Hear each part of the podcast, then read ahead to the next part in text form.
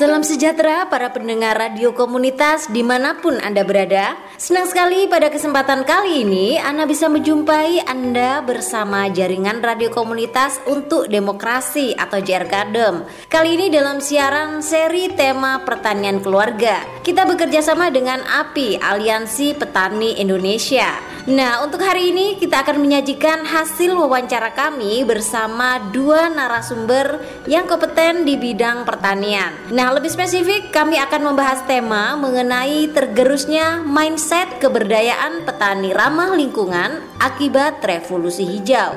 Ya, sobat pendengar, seperti yang kita ketahui, kebijakan revolusi hijau di Indonesia mulai dilakukan sekitar tahun 1980-an tepatnya pada masa Orde Baru di pemerintahan Presiden Soeharto. Ada banyak persoalan pertanian yang muncul saat ini akibat dari adanya revolusi hijau. Untuk itu langsung aja kita simak hasil wawancara dengan narasumber yang pertama, yaitu Pak Muhammad Subhan. Beliau sudah bertani lebih dari 20 tahun. Beliau juga aktivis NU yang bergerak di bidang pertanian Dulu beliau pernah bergabung ya di LP2NU atau Lembaga Pengembangan Pertanian Nahdlatul Ulama. Langsung aja mari kita simak hasil wawancaranya berikut ini.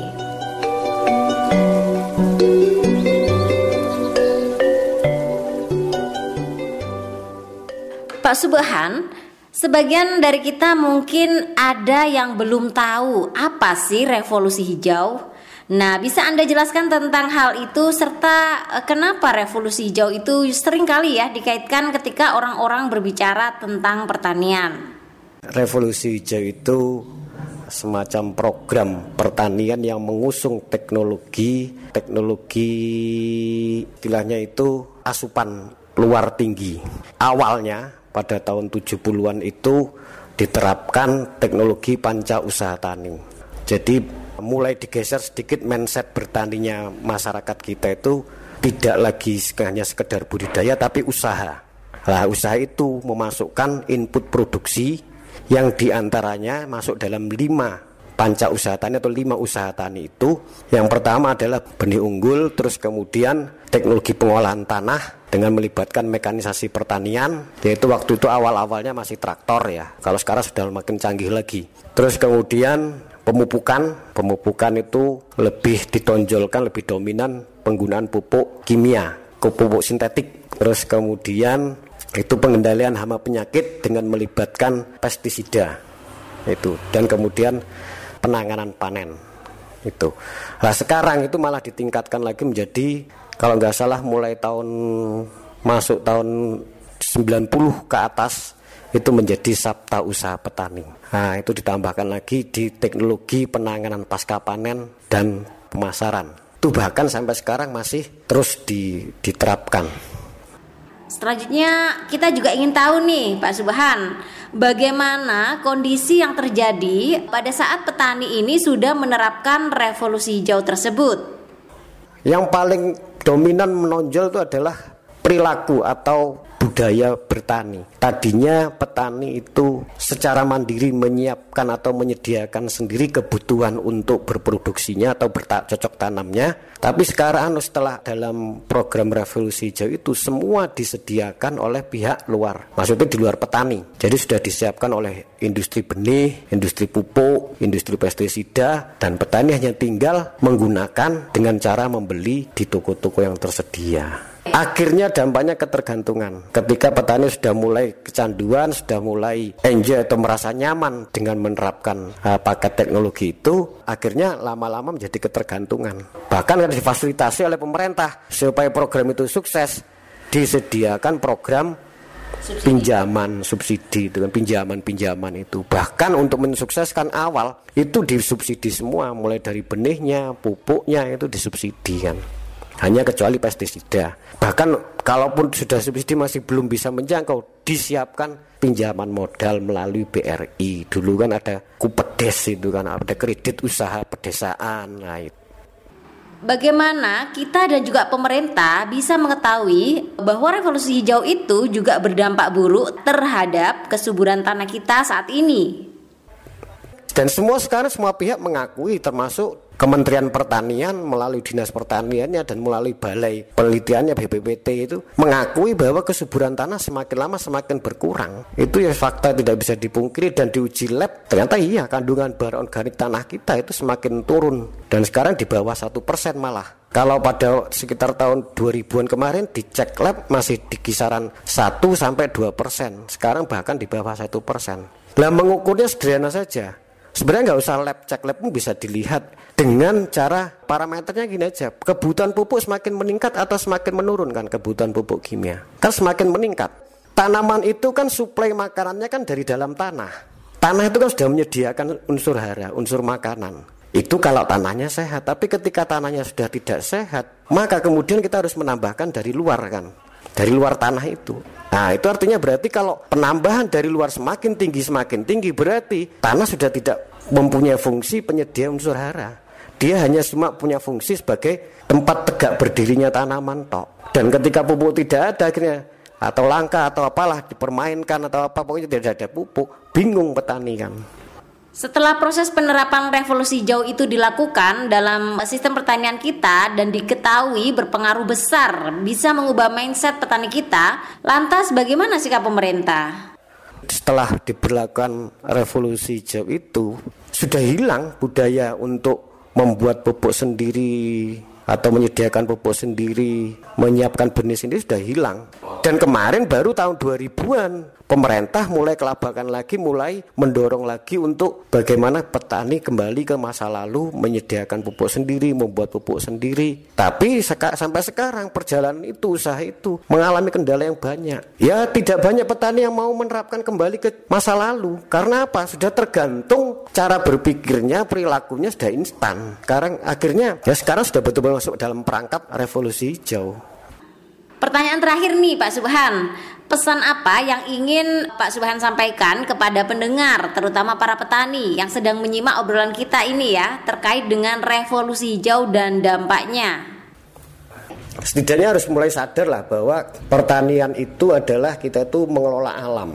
Artinya mengelola alam itu kita harus betul-betul kan menjaga keseimbangan alam. Tidak hanya sekedar mengejar produksi, tapi bagaimana kita menjaga keseimbangan alam dengan menjaga kelestariannya, memberikan uh, pupuk pun itu tidak hanya sekedar membuat tanamannya subur tapi bagaimana tanahnya menjadi subur yang utamanya. Pupuk sintetik itu kan hanya menyuburkan tanaman tapi tidak menyuburkan tanah justru mematikan tanah. Artinya ya harus bijaksana penggunaan oke okay lah pupuk sintetik tidak bisa ditinggalkan itu. Minimal paling tidak jangan dibuat untuk menambah terus itu loh. Kalau bisa dikurangi kan itu. Dengan menyimbangkan dengan menyandingkan dengan pupuk-pupuk yang alami Baik pendengar, itulah tadi hasil wawancara kita dengan Pak Subhan. Selanjutnya langsung aja kita simak hasil wawancara kami dengan narasumber kedua yaitu Bung Aditya Jaya. Beliau seorang petani di Yogyakarta, menjadi anggota Field Indonesia dan dulu juga pernah bekerja di FAO Indonesia.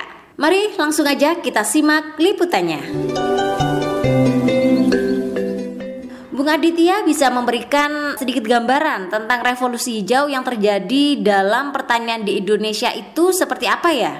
Revolusi hijau itu isinya adalah semata-mata hanya untuk peningkatan produksi, produksi pangan ya, komoditas mm-hmm. utamanya kalau di Indonesia ini uh, padi. Sehingga disiapkanlah segala perangkat, perangkat-perangkat untuk produksi padi itu benihnya. Jadi benih direkayasa sedemikian rupa yang umurnya pendek gitu ya, tapi kan mesti ada konsekuensi atau risiko. Risikonya rakus pupuk, rakus pupuk hmm. kemudian rentan hama penyakit, maka kemudian ya mau nggak mau harus pakai pupuk kimia. Sudah disiapkan lah hmm. itu ya oleh industri ya. Saya kira ini ya. kepentingan yeah. industri ya, uh, karena kita mengekor kan bukan menjadi pelopor. Padahal kita harusnya menjadi pelopor negara mega biodiversity.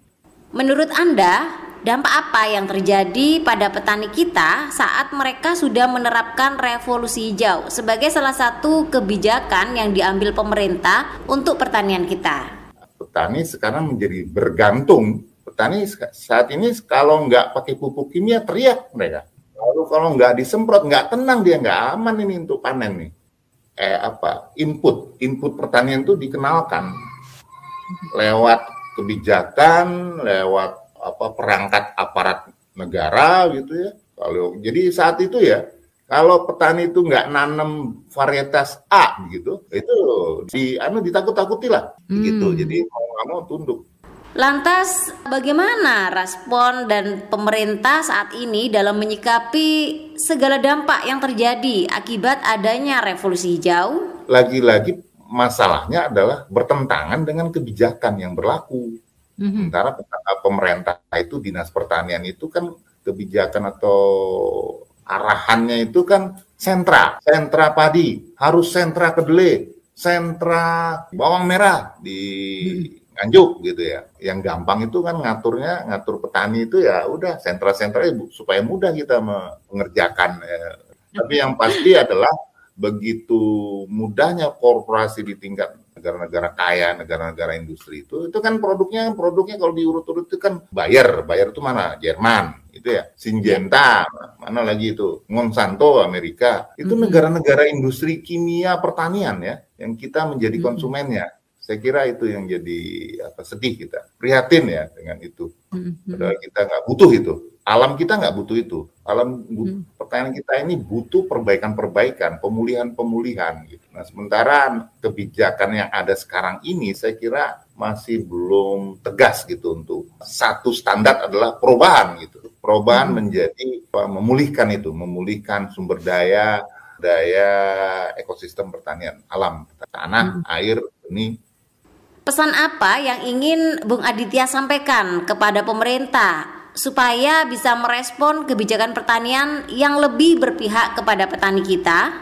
Petani ini kan satu harus dipandang adalah posisi yang harus menjadi perhatian negara. Konstitusinya juga mengatakan itu, beberapa undang-undang juga me, me, mengamanahkan, uh, memperhatikan ini uh, nasib petani sehingga petani itu memiliki hak-hak ya, hak-hak uh, subsidi, hak-hak insentif ketika mereka menghasilkan hasil usaha taninya. Sehingga itu baru disebut layak ya. Petani saat ini sangat tidak layak gitu. Dan petani harus menanggung sendiri semuanya. Karena produksi hasil usaha taninya juga ya diurus sendiri semua gitu. Mm -hmm. Jadi uh, saat ini uh, hanya beberapa undang-undang oke okay, masih ada amanahnya tapi belum jalan untuk itu adalah peran negara lagi ya harus hadir gitu ya. Negara ya negara tuh maksudnya kebijakan program sama uangnya dan itu harus di, bisa diterima sama petani sehingga petani itu apa namanya teriakan-teriakan kenapa kok nggak bisa sama produksinya ya ya itu harus ada kompensasi begitu. Demikian ulasan lengkap dari dua praktisi pertanian terkait tema tentang dampak revolusi hijau terhadap sektor pertanian di Indonesia. Semoga bermanfaat dan bisa membuka wacana kritis yang menyadarkan para petani dan pemerintah untuk mau bersinergi kembali ke pertanian ramah lingkungan. Saya Nur Hasana dari JR Kadem menyampaikan untuk Anda semua. Anda sedang mendengarkan hasil produksi bersama JR Kadem dan Aliansi Petani Indonesia yang didukung oleh FAO untuk Dasawarsa PBB untuk pertanian keluarga dalam kemitraan dengan Amak Asia Pasifik dan Komdev Asia. JR Kadem, Jaringan Radio Komunitas untuk Demokrasi.